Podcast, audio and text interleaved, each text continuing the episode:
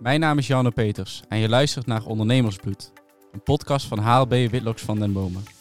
En toen kwam de grote vuurwerkramp in Enschede, dat is al, een hele tijd geleden, maar dat had een enorme impact. Alle shows die bij ons in de agenda stonden, werden allemaal gecanceld. En ik zag mijn twee bazen echt met de hand in het haar van, jeetje, dit is, dit is het einde, nu, uh, nu, nu is het voorbij.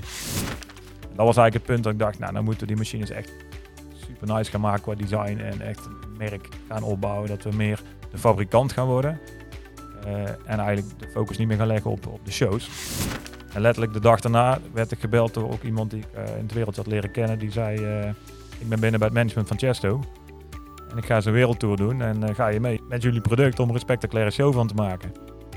Nou, ik heb net bedrijf overgenomen, ik kan niet mee op wereldtour, maar ik heb al drie hele toffe nieuwe producten klaarstaan. Ja, die moet eigenlijk in zijn show. Vandaag ben ik in Bokstel bij Magic FX. Magic FX is de onzichtbare kracht achter zichtbaar spektakel.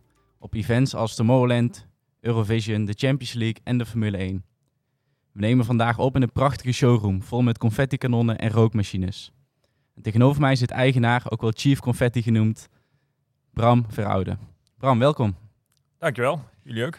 Magic FX is in uh, 1995 begonnen vooral met vuurwerk volgens mij, hè? Ja, ja, klopt inderdaad. Kun je vertellen hoe het bedrijf er destijds uh, uitzag? Uh, zeker. In 1995 werd Magic Effects vuurwerkevenementen opgericht. Uh, toen door een goochelaar en een clown. Dat is altijd een leuk verhaal. Uh, de goochelaar op de winkeltje in, in, in Valkenswaard die verkocht goocheltrucjes. Vandaar ook de naam Magic Effects. En de clown die, die had een verhuurbedrijf van attracties en springkussens in de ballonfiguurtjes vouwen. Um, ik zelf ben er in 98 binnengerold. ik had eigenlijk een marketingachtergrond. School vond ik nooit zo heel erg leuk, dus daar deed ik ook nooit zo heel erg mijn best voor. Dus was echt last minute zoeken naar een stage. En uh, toen weet ik nog goed dat er in de stagekamer op school een, een, mapje lag met adressen waar studenten uit voorgaande jaren stage hadden gelopen. En er stond op Clown Snabbel Kindershows. Ik denk, geen idee wat ik daar moet doen als ik maar een stage heb. Nou goed, ik kom daar terecht, uh, klein kantoortje en uh, stond Magic Effects op een deur. Ik zeg, goh, wat, wat, wat, wat is Magic Effects? Ja, wij doen vuurwerk. Dat vond ik prachtig als jochie van toen 18. Dus zodoende daar gestart. Uh, en wat wij toen voornamelijk deden was uh, vuurwerk bij bruiloften, kermissen en dan de laatste drie dagen van het jaar de verkoop van vuurwerkproducten aan de consument. En hoe was dat qua wetgeving toen geregeld? Want dat is natuurlijk een tijd geleden. Ja, uh, omtrent veiligheid is natuurlijk superveel te doen, vooral de laatste jaren ook. Maar hoe was het ja. destijds? Mocht je toen gewoon zonder vergunning of net wat, mocht je gewoon ja, vuurwerk organiseren? Ja, goede vraag. Dat was toen ook al wel wat, wat, wat complexer. Dus er was wel een, een vergunningaanvraag uh, die je moest indienen bij de provincie. Uh, er werd ook controle gedaan door Kiwa destijds.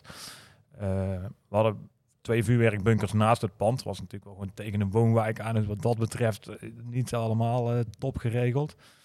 Um, maar goed, ja, voor mij toen wel, wel fantastisch leuk, omdat het zo'n klein bedrijfje was. Dus ik, ik, ik kreeg alles mee hè, van ja, de, de, klant die belde tot aan de offerte die gemaakt moest worden, tot de factuur, het uitvoeren. Uh, uh, heel interessant. Dus ik had het enorm naar mijn zin, ook lekker in dienst gegaan toen ik mijn school had afgerond.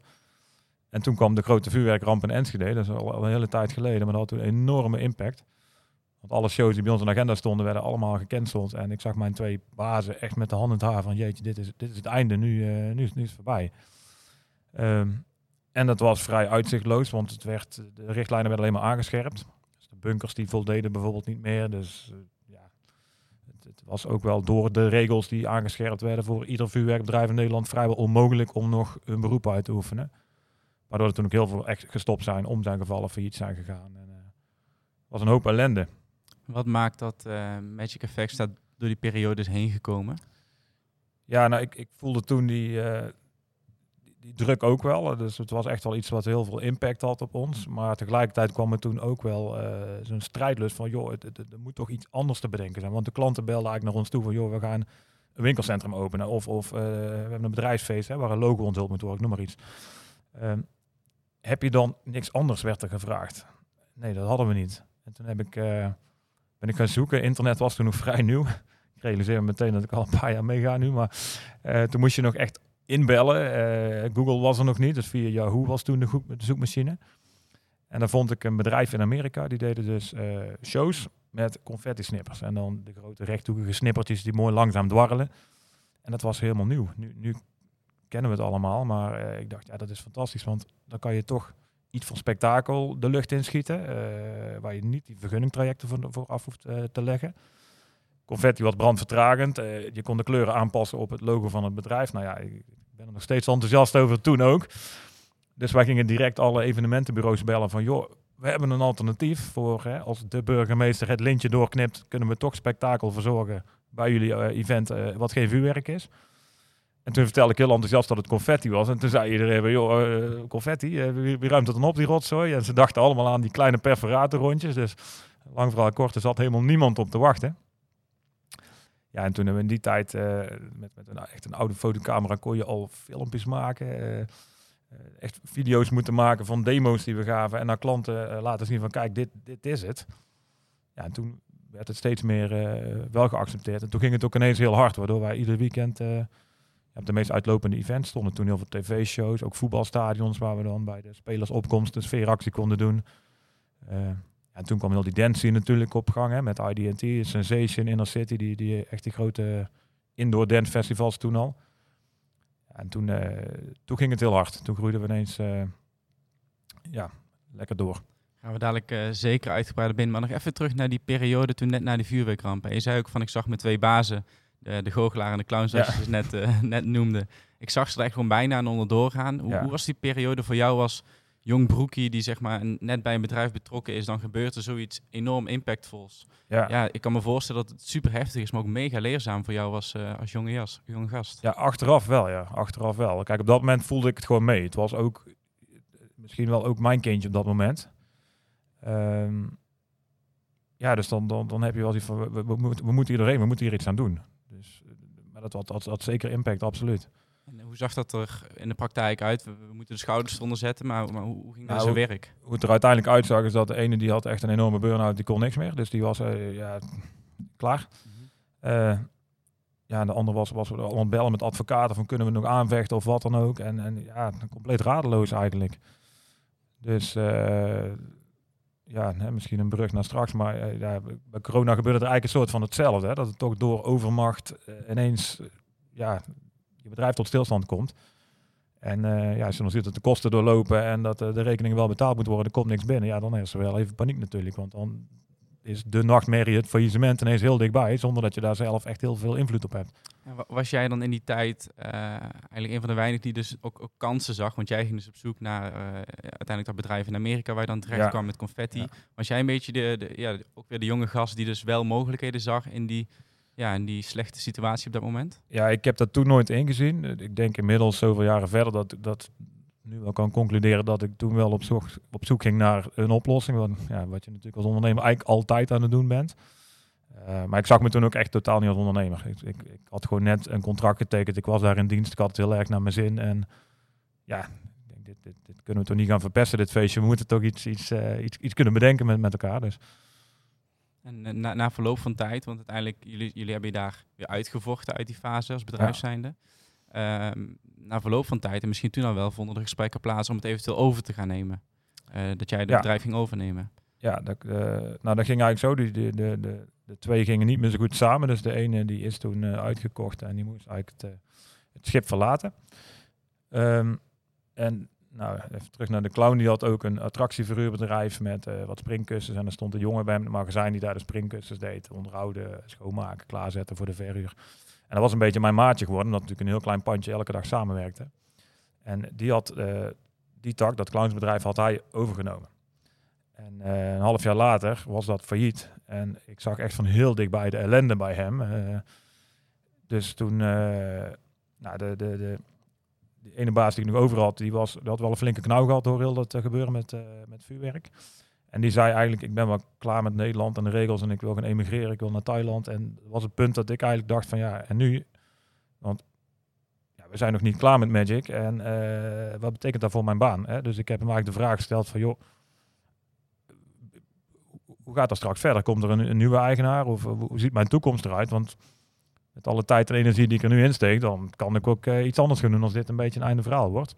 Maar je had toen nog niet het idee van, ik ga de, ik ga de token runnen. Nee, nee, absoluut niet. Absoluut niet. Nee. En hij stelde toen voor van, joh, dan kan je het overnemen. En het eerste was bij mij, nee, dat, dat, eh, nee, dat, dat zat nog niet echt in mijn, eh, in mijn planning of zo.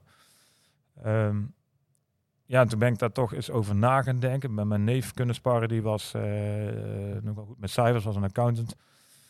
En die hoorde mijn plannen toen en die had een keer de cijfers uh, doorgespeeld. En die zei, joh, dit, dit moet je doen. En uh, ja, van thuis uit zeiden mijn ouders van, joh, wat begin je te gaan? Hè? niet, vooral niet doen. Ja, dan ben je, ik was 24 volgens mij. En denk, ja, wie, wie kan me wat maken? plannetje gemaakt, naar de bank kon je nog makkelijk een zak geld krijgen. Dat ging toen allemaal vrij makkelijker dan, dan nu. Ehm, ja, en het toch gewoon gedaan. Toen stapte hij in diepe. Ja, letterlijk. Hoe was dat? leerzaam. Enorm leerzaam. Want uh, je voelt aan de ene kant voel je echt de bank in je nek hijgen van joh, iedere maand moet jij uh, die, die lening aftikken. Dus dat uh, was ik niet gewend, want ik was vroeger nooit van het lenen. Gewoon echt zelf altijd hard werken, centje verdienen en pas 1 euro uitgeven wat ik er twee heb, zeg maar. Um, dus dat voelde ja, ook wel als een enorme motivator. Ook wel als een soort verplichting. In het begin had ik misschien wel het gevoel van ik ben in dienst van mijn bedrijf. Heel raar om dit uit te leggen, maar uh, het voelde niet zo van ik ben de baas, kan alles doen. Ik moet me echt bewijzen. Meer vanuit die gedachte denk ik dat die jaren toen voor mij uh, eruit zagen. En aan wie voelde je dat je je moest bewijzen? Was het naar jezelf toe? Was dat naar je voormalig baas? Was dat misschien wel naar je ouders toe? Ja, misschien wel naar iedereen. Ja, naar jezelf, naar uh, de voormalig baas, naar ja, de klanten, naar het bedrijf. Ja. ja. En hoe zag het bedrijf eruit? En dan heb ik het ook over aantal werknemers, uh, omzet hoef je niet te noemen, maar qua grootte uh, op het moment dat je het overnam, als we dat een beetje ja, relatie plaatsen tot hoe het nu ervoor staat? Ja, ik, we hebben het in twee fases gedaan. Dus ik heb in 2005 voor de helft ingekocht. Toen waren we met z'n tweetjes, was een VOF. En in 2007 begonnen de onderhandelingen om het nou, helemaal over te nemen. Dus dat is eigenlijk per 1 januari 2008 geregeld. En nou, mijn oude baas slash compagnon, die wilde geen, geen medewerkers was heel duidelijk, had hij daar geen behoefte aan. En ik merkte wel op dat punt van, joh, we lopen tegen allerlei dingen aan. Hè. Uh, nou, de, de, mailbox met, met de vragen en de offerte aanvragen van klanten, dat, dat konden we niet zo snel behandelen als ik dat wilde. Dat, bleef langer liggen. Uh, we waren ook al wat gaan verkopen, dus de, de bestellingen die eruit moesten, ja, dat lukte ook niet altijd. We moesten nee zeggen tegen shows in het weekend, omdat we geen mensen hadden. Dus dat voelde eigenlijk niet goed. Dus daarin lagen we niet echt op één lijn qua visie. Dus toen ik het uh, per 1 januari zelf moest doen, heb ik eigenlijk meteen twee mensen aangenomen. Waar ook mijn eerste twee medewerkers. Uh, ja, ook in het begin voelde dat heel erg van, joh, we zijn collega's. Hè, dan moet je nog een beetje wennen aan die rol als, als toch wel de baas of zo. Uh, ja, vanaf dat moment ben ik iedere keer mensen aan gaan nemen op het moment dat ik merkte, hier staan we stil. Dus dit is een rem op de motivatie of op de innovatie eigenlijk. Um, en zo is dat uitgegroeid tot uh, nou ja, 42 eh, mensen voor eigenlijk uh, de coronatijd. Dus dat is in een aantal jaren best hard gestegen. Ja, ja en je, je koopt je dan in, je neemt het bedrijf uiteindelijk helemaal over. Er komt zoveel nieuws op je pad. Je hebt een flinke lening aan je broek, uh, aan je broek hangen. Ja. Um, heb je in die tijd, want je zei van ik kan af en toe met mijn neef een beetje sparren, heb je een soort mentor of iemand gehad waar je op terug kon vallen van hé, hey, ik moet nu mensen aannemen. Hoe, uh, waar moet ik op letten? Wat, uh, hoe, hoe, doe ik dit überhaupt? Ja, hele goede vraag. Nou, achteraf heb ik dat niet gehad. Dus ik heb echt heel vaak mijn neus gestoten. Daar zijn wel de beste lessen. Die, die het meest pijn doen of het meeste geld kosten, daar leer je het meeste van. Maar je had ook niet die tools die er nu zijn. Dus ik, ik, als ik het achteraf over had moeten doen, had ik denk ik echt wel heel graag advies gekregen van ondernemers die dat station waar ik toen stond al, al tien keer gepasseerd waren. En ik heb echt wel de hard way mijn lesjes moeten leren. Ja, en, en toch zit daar ook wel weer een, uh, ja, een, een, hele grote les uiteindelijk. Maar uiteindelijk is dat ook een manier om te komen waar je dan nu, uh, nu bent gekomen. Ja, ja. Misschien wel jouw manier. Ja, misschien wel. Misschien wel. Ja, kijk, achteraf uh, kijk je anders tegen dingen aan. Ik weet nog heel goed, in 2008 ik had het net overgenomen. Dat is natuurlijk super spannend. Ik had een half jaar me daarop voor kunnen bereiden. Uh, ook echt vanuit de visie, ik wil, en ik heb toevallig laatst mijn businessplannetje gevonden. Echt prachtig om terug te zien. Uh, nog opgemaakt in Microsoft Publisher, volgens mij bestaat het niet eens meer. Maar daarin stond letterlijk, ik wil niet meer dat bedrijf zijn wat bekend staat als het bedrijf die je kunt inhuren voor een showtje. Ik wil echt een merk gaan opbouwen. en we waren al wat producten die we zelf ontwikkeld hadden. Even niet te diep in te gaan op de techniek. Dus wij, werden gevraagd voor allerlei oplossingen. De modeshow, dan moest het confetti regenen, eh, zilveren snippertjes, maar niet te veel. En de machine mocht niet in het beeld van de camera, mocht geen lawaai maken. Ja, dat hadden we niet. We hadden één kanonnetje en dat schoot vier meter ver met een hoop herrie. Uh, Dus dan hebben we letterlijk een plantenbak gehaald bij het eh, tuincentrum. Een propellertje erin eh, gemaakt. eh, op een dimmertje dat het propellertje kon draaien. En plantenbak konden we in het plafond hangen. Waardoor die snippertjes heel rustig naar beneden kwamen dwarrelen. En dat ding zag er natuurlijk echt totaal niet uit. Eh, maar collega vuurwerkbedrijven die nou ja, ook op zoek waren naar iets anders. Die zeiden, goh, die, die plantenbak van jou kan ik er niet van je huren of, of kopen. En dat was eigenlijk het punt dat ik dacht, nou dan moeten we die machines echt super nice gaan maken qua design. En echt een merk gaan opbouwen. Dat we meer de fabrikant gaan worden. Eh, en eigenlijk de focus niet meer gaan leggen op, op de shows. Dat is wel een moeilijke keuze, want die shows was natuurlijk en heel leerzaam en leuk. En, en eh, ook hartstikke leuke marge wat we daarmee maakten. Maar het, het had ook met die focus te maken. Want we waren een beetje twee dingen half aan doen. Eh, en er stond alles in de weg. Dus ja, toen kwam eigenlijk het punt van nu willen we dat merk op gaan bouwen. eh, en daar ja, mee gaan groeien en, en, de hele focus op, opleggen. Ehm, ja, en dat is achteraf denk ik ook wel een hele goede keuze geweest. Weet je waarom je die keuze hebt gemaakt? Want het is natuurlijk wat je zegt heel... Eigenlijk is het makkelijk om door te gaan met die shows. En Ja. het is commercieel super interessant. En, en je kunt het gewoon eh, ja, een x aantal keer doen naarmate je je personeelsbestanden ook een beetje toelaten. Ja, ja. Ehm, en dan zeg je van nee, ik wil, ik wil echt een merk gaan bouwen. Nou ja, als je hier rondloopt, het is een en al branding. Eh, ja. letterlijk, je parkeert de auto en de muziek eh, klapt al uit de boxen die voor je auto staan. Super tof.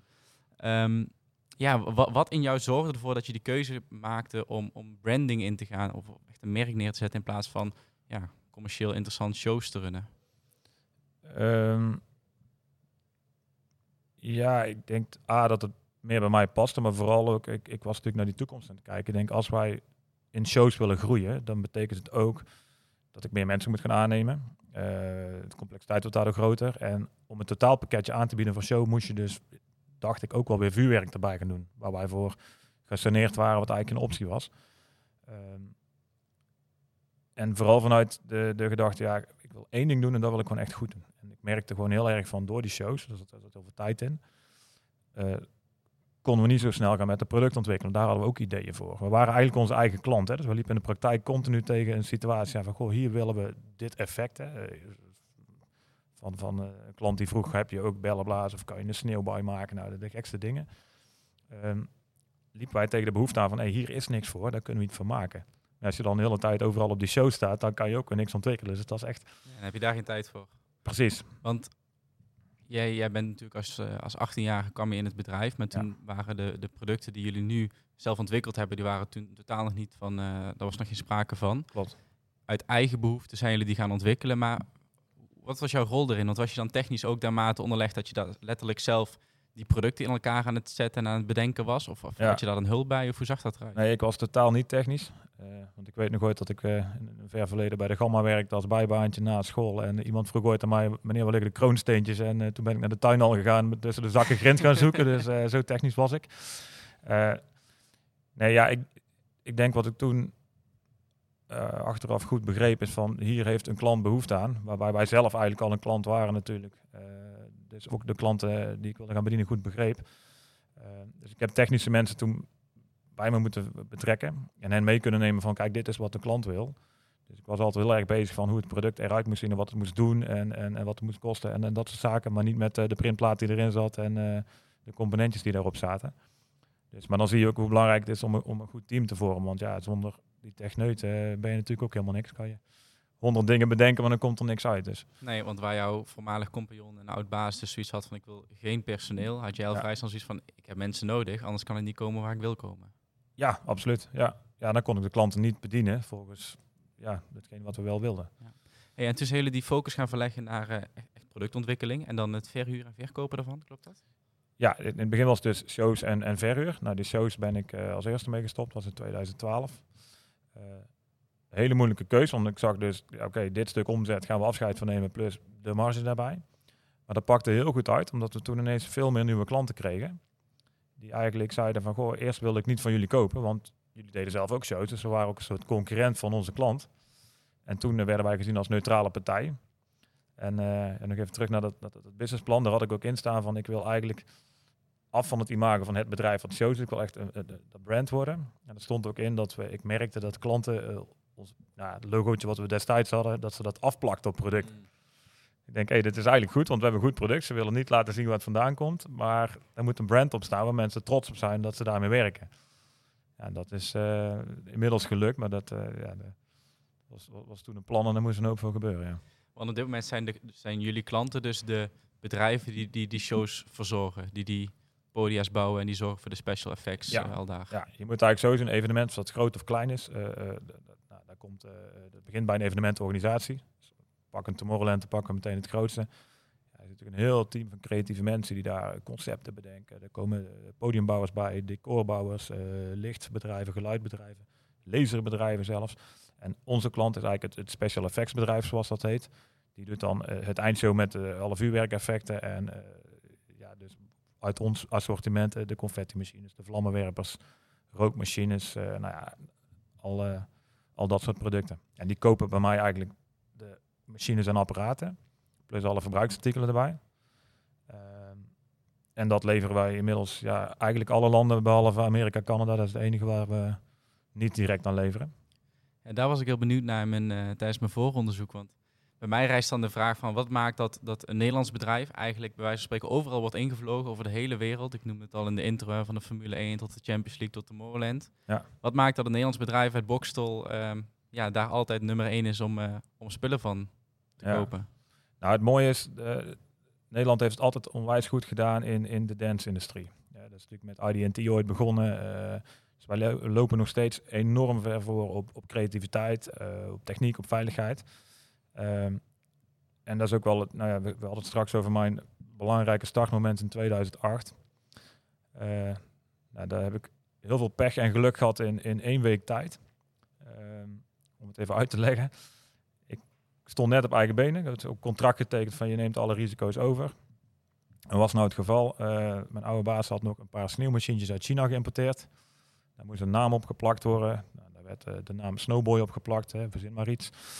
Uh, maar wat gebeurt er? Ik stond op eigen benen, kreeg een enorme dikke envelop binnen met een schadeclaim van een Engels advocatenkantoor. Want die snowboy bleek een trademark te zijn. Of ik even 25.000 pond wilde betalen, plus uh, rectificatie naar klanten, mijn klantenbestand wilde overleggen. Nou, 100 op een hoop. Ik had nul op de bank. Ik denk, nou, die ga ik wel even bellen en ik ga ze even vertellen dat ik een, een nieuw plan heb, dat er een nieuw merk komt, dat ik geen Chinese machientjes wil verkopen. Dat ze ook allemaal trouwens al terug zijn gekomen, kapot zijn, maar maar dat was een vrij kort gesprek, want het was uh, talk to the lawyer en uh, paf, die telefoon ging uh, weer terug op de haak. En ja, toen was het wel echt paniek. Ik heb drie nachten niet geslapen en, en een hoop stress gehad. Denk ja, dit is het einde. Um, en het was week één. En dat was, nou ja, week, week vier volgens mij was het. Het was eind januari. En wat was nou gebeurd? Een week daarvoor was er een, een nieuwe klant uit Engeland overgekomen. Ik zal het nooit vergeten, die stuurde mij een mailtje van ik wil wat producten van je zien. En can we go out uh, to keep the baby's head wet? Ik denk, de baby's head wet, wat bedoelt hij toch? Joh? Maar dat betekent plat gezegd, uh, we gaan ordinaire avondje zuipen. Nou, dat is ook gebeurd. In plaats van dat ik hem naar zijn hotel heb gebracht, heeft hij mij naar huis moeten brengen, zijn eigen hotel moeten zoeken. We hebben een topavond gehad, heel veel gelachen. En nou, net die, die, in die tijd dat dus dat gedoe liep met, die, uh, met dat merk, uh, belde hij op. Hij zei, hey, mate, hoe is het? Ik zei, dus ik liep helemaal leeg. Ik zei, joh, niet goed, het is klaar, ik, ik kom hier niet uit. Hij zei, wacht even, ik uh, bel je zo terug. Nou, een half uurtje later belt hij terug. Hij zegt, je hebt ook van die, van die kunsten sneeuwvlokjes van papier. Ja, klopt. Hij zei, nou, als jij een mooi prijsje maakt voor dat bedrijf, dan laten ze heel de aanklacht vallen en dan uh, komt het goed. Want ik ken hem goed, het is een vriend van mij. Oh. Dus, nou, hè. En letterlijk de dag daarna werd ik gebeld door ook iemand die ik uh, in het wereldje had leren kennen. Die zei, ik ben binnen bij het management van Chesto. En ik ga zijn wereldtour doen en ga je mee met jullie product om een spectaculaire show van te maken. Nou, ik heb net bedrijf overgenomen, ik kan niet mee op wereldtour, maar ik heb al drie hele toffe nieuwe producten klaarstaan.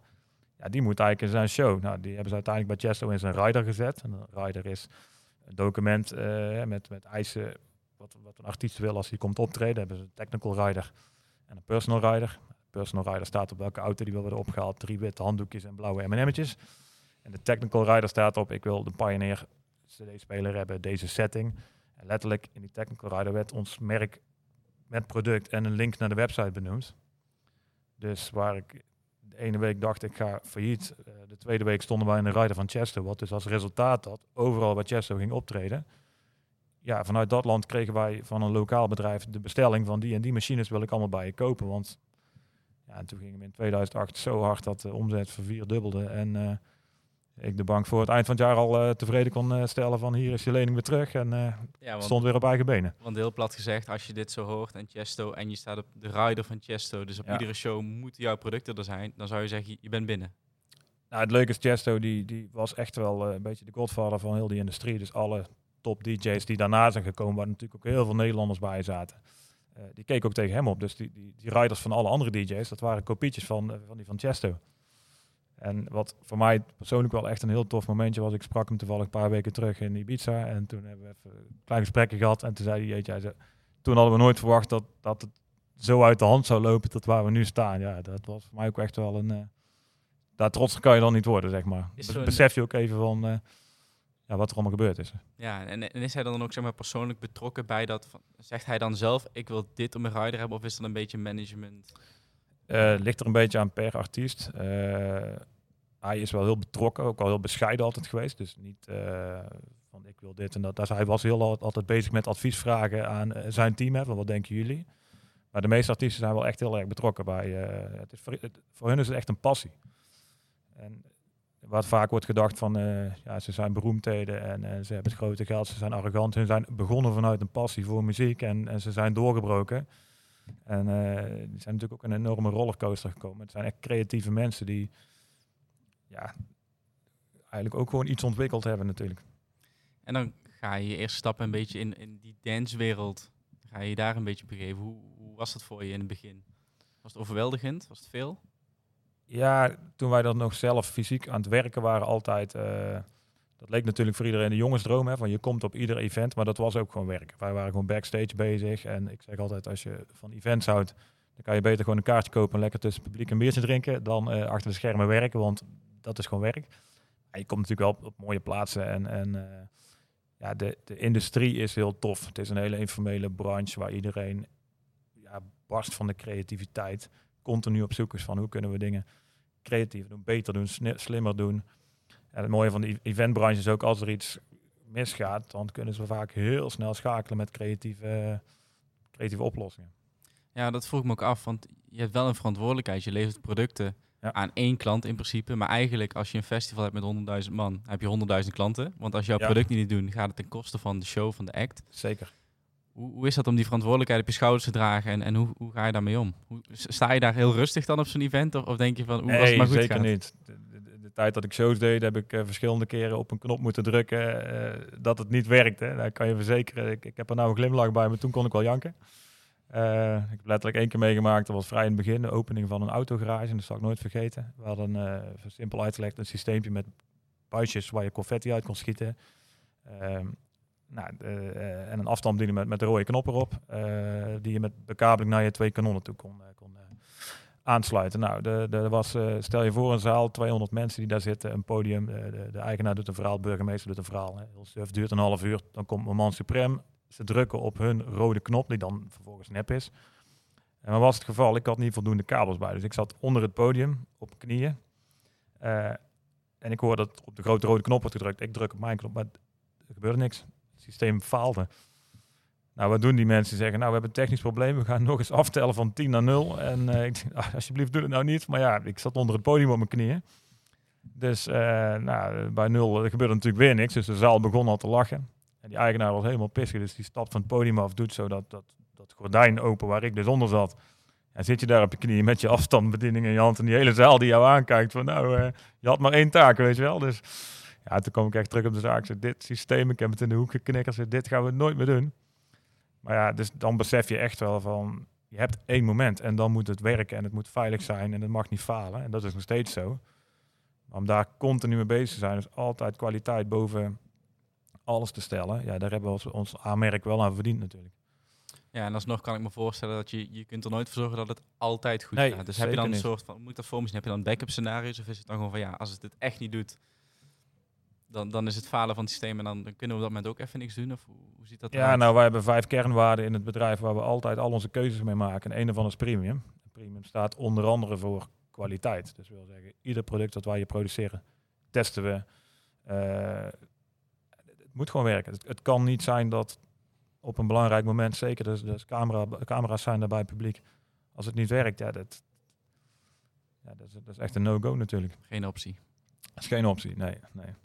Hey, eh, je hebt het al een paar keer uh, tussendoor benoemd, maar uiteindelijk kwam, uh, kwam corona om de hoek kijken. Ja. Um, nou ja, dat is geen verrassing voor jullie branche, is dat voor velen desastreus. Ja, klopt.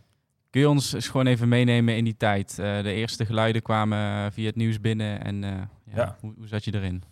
Ja, um, hele bijzondere tijd geweest. Wij, de eerste berichten bereikten ons eigenlijk uit China. Dus waar wij al onze machines en apparatuur hier in huis ontwikkelen en produceren, hebben we een eigen fabriek die alle confetti-soorten produceert uh, in China. En daar ontstond het en die gaven toen aan, joh, er is hier een, virus en uh, we moeten de productie stoppen. Nou ja, het was een beetje januari en de productie, dat betekent dat alle voorraden hier, uh, die moeten dan geproduceerd worden om in de zomer binnen te zijn. Um, dus dat was een beetje onbekend. Nou, toen ging het heel rap hè, dat het hier in Nederland ook was en, en we allemaal diezelfde film hebben gezien in het begin waar, hebben we er met elkaar over gesproken en toen dachten we nog, ja, het, komt wel goed. Uh, van de zomer uh, trekt het wel weer aan. Nou, dat bleek niet zo te zijn en toen, ja, dat was, dat was voor ons bedrijf was dat mega heftig toen. Ik denk voor iedereen in de evenementenbranche, want je had nergens uitzicht op, je, je, had er nul controle op. Je moet je voorstellen, we waren toen met 42 mensen een heel hecht team. Dus echt, uh, nou ja, het was niemand zijn keuze. We hebben uiteindelijk met elkaar gesproken dagelijks. En echt letterlijk daar ook tranen bij gelaten van uh, wat gebeurt hier. Nou, zeker na die persconferentie, hè, dat er werd verteld van joh, uh, gaan mensen maar opleiden dat ze iets anders gaan doen. Had hier heel veel impact. Uh, maar wat er ook wel gebeurde, is dat er ook wel eens een bepaalde drive naar boven kwam, net als toen met het vuurwerk. Van joh, we moeten nu echt iets gaan verzinnen. Dus we zijn eerst gaan kijken wat kunnen we met onze producten in een andere branche. Nou, dat was vrij lastig met confetti, want dat, dan is er altijd iets te vieren. Ja hebben we wel een tijdje, uh, konden we het Rode Kruis vooruit helpen, omdat er toen een zwaar tekort was aan die handsanitizer. En dat is net dat, dat uh, middel wat daarvoor gebruikt wordt, dat gebruiken wij voor vlammenvloeistof. Nou, was geen behoefte aan, dus toen konden we voor het goede doel wel in ieder geval even bezig blijven. Maar ja, daar werd uiteindelijk geen geld mee verdiend en de omzet die viel terug tot nog geen 5%. Nou, we hebben toen gedaan, toen hebben wij het team toegesproken van jongens, als het zo blijft, dan zullen we moeten reorganiseren. En tot, tot 1 oktober kunnen we dit volhouden, maar daarna niet. Uh, daar zijn we nu plannen voor aan het maken. En toen ontstond er eigenlijk iets heel, iets heel moois. Dat uh, uh, ja, de mensen eigenlijk zelf allemaal kwamen van, joh, ik, ik heb al een andere baan. Maak je geen zorgen, wij, wij zoeken iets anders. En we vinden het vooral ook voor jou en voor het bedrijf heel erg. We hebben het hier zo naar ons zin gehad. En maak je geen zorgen over ons. Als het weer mag, bel ons, komen we graag terug. Nou ja, dat is natuurlijk een mooier compliment kan je niet krijgen. Dat was echt wauw. Um, toen zijn we met een groepje van ongeveer 20 mensen overgebleven. Ik moet daar wel op de eerste plaats bij zeggen, toen gingen die steunpakketten ook lopen, wat natuurlijk wel een groot verschil is geweest, waardoor toch een, 90% van de kosten wel uh, vergoed bleef. Uh, uh, ja, en dat was ook weer prachtig, waar ik nu weer heel dankbaar mee ben, want we zijn er veel sterker uitgekomen. Dus waar wij daarvoor echt in een flow zaten en, alles liep zoals het liep, werden we ook eigenlijk even gedwongen om even uit ons bedrijf te stappen en met een bredere blik te kijken van hey, wat zijn we nou aan doen? En uh, ik ging ook echt weer letterlijk even mee in de klei, ook op alle afdelingen weer meewerken. En ik zag ook dingen van, joh, dit kan veel efficiënter, dat kan beter. Dus we hebben echt softwarepakket aangepakt om veel efficiënter te werken. Magazijn anders ingericht, een missievisie bijgesteld. Uh, allemaal nieuwe producten bedacht, ja, waar, waar, de klanten vandaag de dag heel blij mee worden. Dus het was ook een soort van reset moment waar we anders geen kans voor hebben gehad. Dus uh, ja, ook weer vergelijkbaar van eerst heel heftig en naar de rand eigenlijk misschien wel het beste wat ons had kunnen overkomen. Het, het klinkt alsof je al best wel, weet je, op dat moment dat, dat bijna de helft van het personeelsbestand uh, ja, misschien wel zelf een andere baan had gevonden en zei van hey, we komen terug als, als je me weer kunt gebruiken. Uh, steunpakketten gingen lopen, maar het, het, klinkt alsof je vanaf dat moment best wel wat ja, headspace had om, om met missievisie, om met ja. softwarepakketten, om met een heleboel ja, efficiëntieslagen bezig te gaan houden, om het bedrijf uiteindelijk ja, sterker uit die fase te laten komen. Ja, ja het was echt van, van damage control naar echt weer ondernemen, zoals, het, zoals je dat in het begin deed. Dus ik weet nog goed dat ik een klant sprak en dat was best wel een, een, nare tijd, hè, want het was allemaal videobel en iedereen die was wel een beetje depri. Uh, maar daar was ik wat, wat ideeën mee in het pitchen. Ja, ik, ik weet dat hij zei, als een Engelse, die zei... Uh, I can see you fell in love with your company again. Mm. En ik vond het heel mooi dat hij dat zei, maar ja, er kwam ook wel weer een hele nieuwe dosis energie misschien ook wel door de noodzaak bij. Dus dat was wel uh, voor mij persoonlijk wel echt heel tof. Had je dan het gevoel voor die coronatijd dat je wat minder aan het ondernemen was? Want je Ja. zei, je zei Ja. tijdens die fase kon ik wel echt het ondernemersstuk oppakken. Hoe, Klopt. hoe was dat daarvoor dan? Nou, daarvoor zat je wel een beetje in, in een flow dat je geleefd werd door eh, de meetings, de volle mailbox, eh, afspraken, eh, veel verplichtingen. Eh, ja, ook wel dingen waarbij je dus minder energie eh, had voor hetgeen wat je aan het doen was. Toen heb ik ook echt letterlijk een, een een A4'tje gepakt, een streep door het midden gezet, kolommetje links leuk, kolommetje rechts niet leuk. En er stond heel veel op niet leuk. En toen realiseerde ik ook wel dat alles wat niet leuk is wat ik aan het doen ben, daar ben ik ook heel slecht in, anders had ik het wel leuk gevonden. Maar daardoor ben ik ook een rem op het bedrijf nu. En daar ben ik toen heel kritisch gaan kijken van nou, wat in dat lijstje moet ik in een team neerleggen of heb ik mensen voor nodig om me heen. En het leuke was eigenlijk toch weer gaan kijken van wat wil die klant, want daar begint alles mee. Iets bedenken wat er eigenlijk niet is, waar je klant blij van wordt. En als je daarop stuurt in plaats van op historische cijfers, dan ja, komen die cijfers daarna altijd wel als gevolg, eh, heb ik geleerd dus.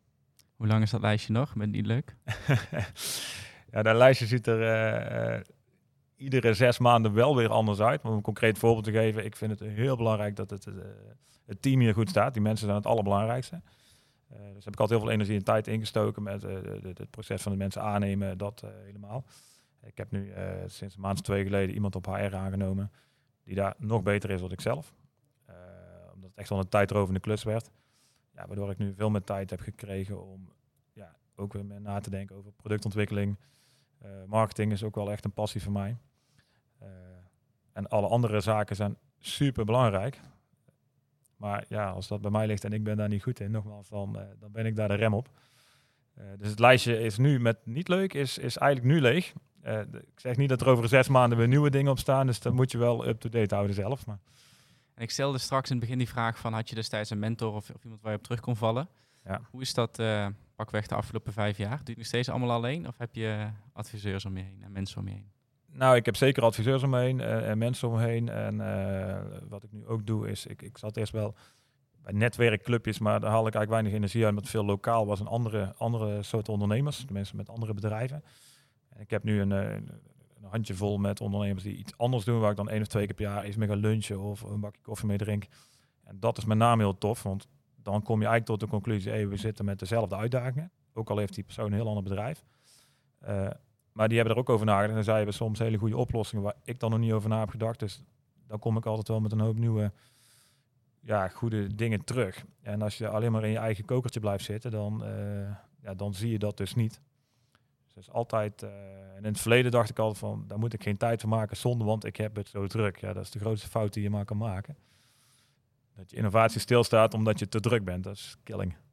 Ja, want als je het hebt over innovatie, die product, productontwikkeling waar jullie zijn mee gestart op het moment dat je de shows losliet. Ja. Is dat dan ook echt de kern, de speel van jullie bedrijf? Continu voorop blijven lopen Ja. met nieuwe toffe producten, nieuwe uitvindingen? Ja, absoluut. Kun, je, is- kun je ons daar wat over vertellen, zeg maar recent? Wa- Wat zijn zaken die jullie eh, de markt op hebben gebracht? Ja, dat is eh, twee dingen. Om met het eerste te beginnen. Ik eh, probeer het even uit te leggen dat je, dat je weet waar ik naartoe wil. Eh, CO2-jets, dat zal je misschien niks zeggen, maar dat zijn op een festival, concert, zie je heel vaak op het podium van die witte rookpluimen die met een hoop gesis recht naar boven worden geblazen. Nou, dat is een heel populair effect, al, al tientallen jaren. Wordt ge- gemaakt door CO2-gas. Dus eh, wat je dan vaak niet ziet, is dat backstage achter het podium staat een hele batterij aan gasflessen. Eh, nou, er zijn natuurlijk drukhouders, eh, kostbaar, eh, CO2, nou, noem maar op. Maar het is wel een effect wat de DJ's willen. En ehm, daar zijn we naar gaan kijken van kunnen we, dat, kunnen we daar iets anders voor bedenken. En de uitdaging was dat je wel die krachtige witte rook zou krijgen. Nou, daar zijn we net voor corona mee begonnen. Het product is nu klaar voor lancering. En is eigenlijk een alternatief. Simpel uitgelegd, een, een, een- zwarte box, klein doosje die je voor op een, op bühne zet. Geen gasflessen voor nodig, dus geen CO2 meer. Geen hoge drukleidingen. Plug and play en er komt net zo'nzelfde krachtige rookpluim uit. Ja, dus dat betekent voor een festival of evenement dat die echt duizenden euro's besparen. Want het gas dat kost natuurlijk hartstikke veel geld. Eh, recentelijk begreep ik dat ze in Ibiza bij Ushuaia dat ze daarvoor 500.000 euro op jaarbasis aan CO2 verblazen. Dus toen ik die eigenaar sprak, nou die, die maakt echt een vreugdedansje aan de andere kant eh, van het scherm. Eh, maar wel met behoud van, van het effect. En een ander voorbeeld is, eh, nou, we begonnen straks over confetti. Hè, met duurzaamheid is vandaag de dag sustainability natuurlijk super belangrijk. Dus wij kregen ook al steeds vaker de vraag van hoe zit het met confetti? Nou, dat het kleurvast was en brandvertragend, dat was altijd al een eis. Uh, maar we hadden eigenlijk eerlijk gezegd geen idee. Dat, uh, je hebt papieren confetti en PVC. Nou, dat het PVC niet goed was, dat snapten we allemaal. Maar hoe het eigenlijk met papier zat, geen idee. Nou, daar hebben wij de, een onderzoek gedaan, kwamen erachter dat TUF uh, de enige organisatie is die zeg maar biodegradable certificering doet. Dus ook mhm. voor bijvoorbeeld je afvalzakjes waar je je, je groenafval thuis in doet. Um, en lang vooral kort, die hebben onze confetti ontleed en, en in een laboratorium bekeken hoe het zou reageren. En ja, het was niet biodegradable. Dus toen hebben we echt... Biologisch afbreekbaar. Biologisch afbreekbaar, inderdaad. Ja. Dus toen zijn we echt een traject ingegaan nou, dat moeten we gaan ontwikkelen. De uitdaging was, er is wel biodegradable paper, maar niet wat zo dun is en ook nog brandvertragend is. En dus gekleurd is dat je ook echt confetti kleuren krijgt. Nou, dat heeft drie jaar geduurd, dat traject. Maar inmiddels zijn wij de enige wereldwijd uh, wereldwijde leverancier die biodegradable TÜV gecertificeerde confetti hebben. Ja, en dat is natuurlijk top dat we daarin een innovatie hebben kunnen bereiken waar ook onze klanten en uiteindelijk de festivals of in ieder geval de eindklant ook trots op is. Want het heeft wel met de beleving te maken, hè, waar toch die bezoeker wel echt die ervaring krijgt uh, die die verwacht of, of, waar die op hoopt. Maar uh, vervolgens wel dat het een milieuvriendelijke oplossing is. Ja, dus de bezoeker merkt er eigenlijk niks van, maar het is, het is honderd keer milieuvriendelijker dan dat het eigenlijk uh, was. En vaak ook nog kostenefficiënter. Wat je zegt, zo'n Ushuaia die bespaart Precies. gigantisch veel geld op, uh, op een product wat jullie dan hebben ontwikkeld. Ja. Ja. Hoe, um, want je zegt bij beide, beide producten, beide innovaties, uh, gaan er jaren overheen. Ja. Op een gegeven moment ontstaat er een idee van, hey, we hebben dan die, die CO2-jets, dat kost ongelooflijk veel gas. En dan, dan gaat er ergens een knopje aan van, maar dat moet anders kunnen. Ja ontstaat dat altijd bij jou? Komt het uit het team? Waar, waar ontstaat dat idee van, hey, dit product, dit kunnen wij anders doen en dit, hier gaan we drie jaar voor uh, of twee jaar voor uitrukken om dat, uh, om dat te ontwikkelen? Ja, nou dat is eigenlijk, uh, het begint dan natuurlijk ja, bij, vaak bij de klant, hè, dat de klanten al aangeven, goh, ik loop hier tegenaan. Dus nou, puur door te luisteren naar je klant en, en hem vragen te stellen van wat mis je, wat zou je graag van ons verwachten, dat soort zaken, dan krijg je de belangrijkste input. Uh, en het leeft ook heel erg in ons team dat we allemaal heel erg aan het denken zijn. Goh, hetgeen wat we nu doen, tot aan de kleinste dagelijkse procesjes, tot aan een product. Hoe zou dat beter kunnen? Uh, en dat is ook weer zo'n key value die we iedere dag, week wel echt in de tent blijven doordrukken. Dat het echt een stukje bewustwording blijft ook. En dan moet je eigenlijk elke dag mee bezig zijn. Hoe, uh, hoe vertaal je het naar de toekomst? Um, qua innovaties, maar ook qua groei van het bedrijf. Waar zie, je, waar zie je jezelf, maar waar zie je het bedrijf over een aantal jaren staan? Uh, ja, we zitten nu weer, uh, we zijn natuurlijk enorm teruggekelderd in die twee jaren, maar er zijn er ook keihard uitgekomen. Dus we zitten nu weer rond de 50 mensen. We zijn eigenlijk nu volop met een, een, een scaling-up formule bezig van hoe gaan we nu de groei realiseren naar de toekomst. Um, sowieso moeten we echt alert zijn voor alle, alle innovaties die om ons heen gebeuren. Hè. Bijvoorbeeld ehm, ja, AI nu op het moment. Sinds het begin van het jaar gebruiken we dat echt op iedere afdeling voor allerlei zaken. Ja, daar hadden wij twee jaar geleden bijvoorbeeld helemaal niet over nagedacht. Dus daar moet je heel snel gewoon op inspelen en iets mee gaan doen. Maar echt prachtig. Dat de wereld voor ons open gaan en het is uh, grandioos. Um, dus continu alert blijven. Wat gebeurt er om ons heen en daar gebruik van maken. En uh, ja, voor onszelf continu die lat wel hoog leggen van... Kijk, je bent er nooit. En ja, misschien tot vervelens toe, maar als ik ergens binnenloop of ooit kijk, zie ik altijd wel heel vaak van, goh, dit kan beter. Andere kant is het ook prachtig om bij bedrijven te gaan kijken waar je echt nou ja, van kan smullen. Dat je daar dingen ziet van, wauw, wat is dit goed geregeld, wat weer ter inspiratie voor jou kan gelden. Je moet niet altijd alles zelf uh, bedenken.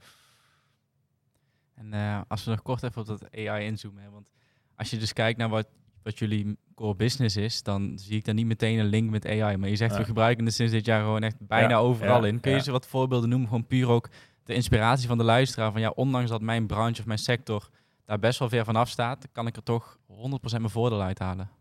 Ja, eigenlijk op, op alle vlakken. We zijn nu uh, qua automatisering aan het kijken voor onze datarapportage om daar AI in toe te passen. Uh, een, een, heel stom voorbeeld is uh, bellenblaadvloeistof. Nou, daar ga je misschien niet meteen aan denken, maar die hebben al verschillende keren bij een laboratorium gebracht. Echt de beste kwaliteit die we konden vinden. Van, kunnen jullie dit ontleden en ons het recept geven, dat we dat zelf kunnen maken? Nou, dat is echt een onbegonnen klus, want het is moeilijk te ontleden. Ja, dan vraag je aan, uh, aan ChatGPT van, uh, give me a recipe for high quality bubble fluid.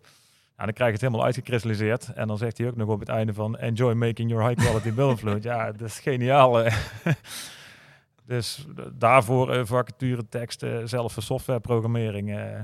Of een ander voorbeeld, onze arbeidscontracten. Ja, we, zijn heel veel nieuw talent aan het aannemen. En inmiddels doet dan gelukkig onze HR-afdeling dat. Maar in de gesprekken die ik had... Voelde me net zo'n notaris, weet je wel. Zit je met die mensen aan tafel, komt er zo'n heel suf formeel contract op tafel... wat helemaal niet lekker voelt. Maar je hebt wel die afspraken. Dus nou, gooit contracten erin en vragen me, schrijf dit wat hipper, uh, afgestemd op, op uh, letterlijk onze bedrijfsnaam erin genoemd.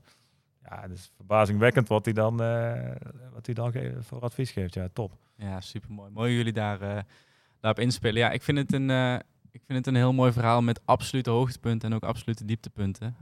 volgens mij heb je de klappen van de zweep wel, wel ondervonden, maar kom je er telkens weer weer sterk uit zoals je aangeeft. Dus ja, uh, ja enorm bedankt voor dit gesprek. Uh, het inspireert mij in ieder geval, dus ik hoop de luisteraar ook. En uh, veel succes met, je, met jullie goede ambities in de toekomst. Dankjewel.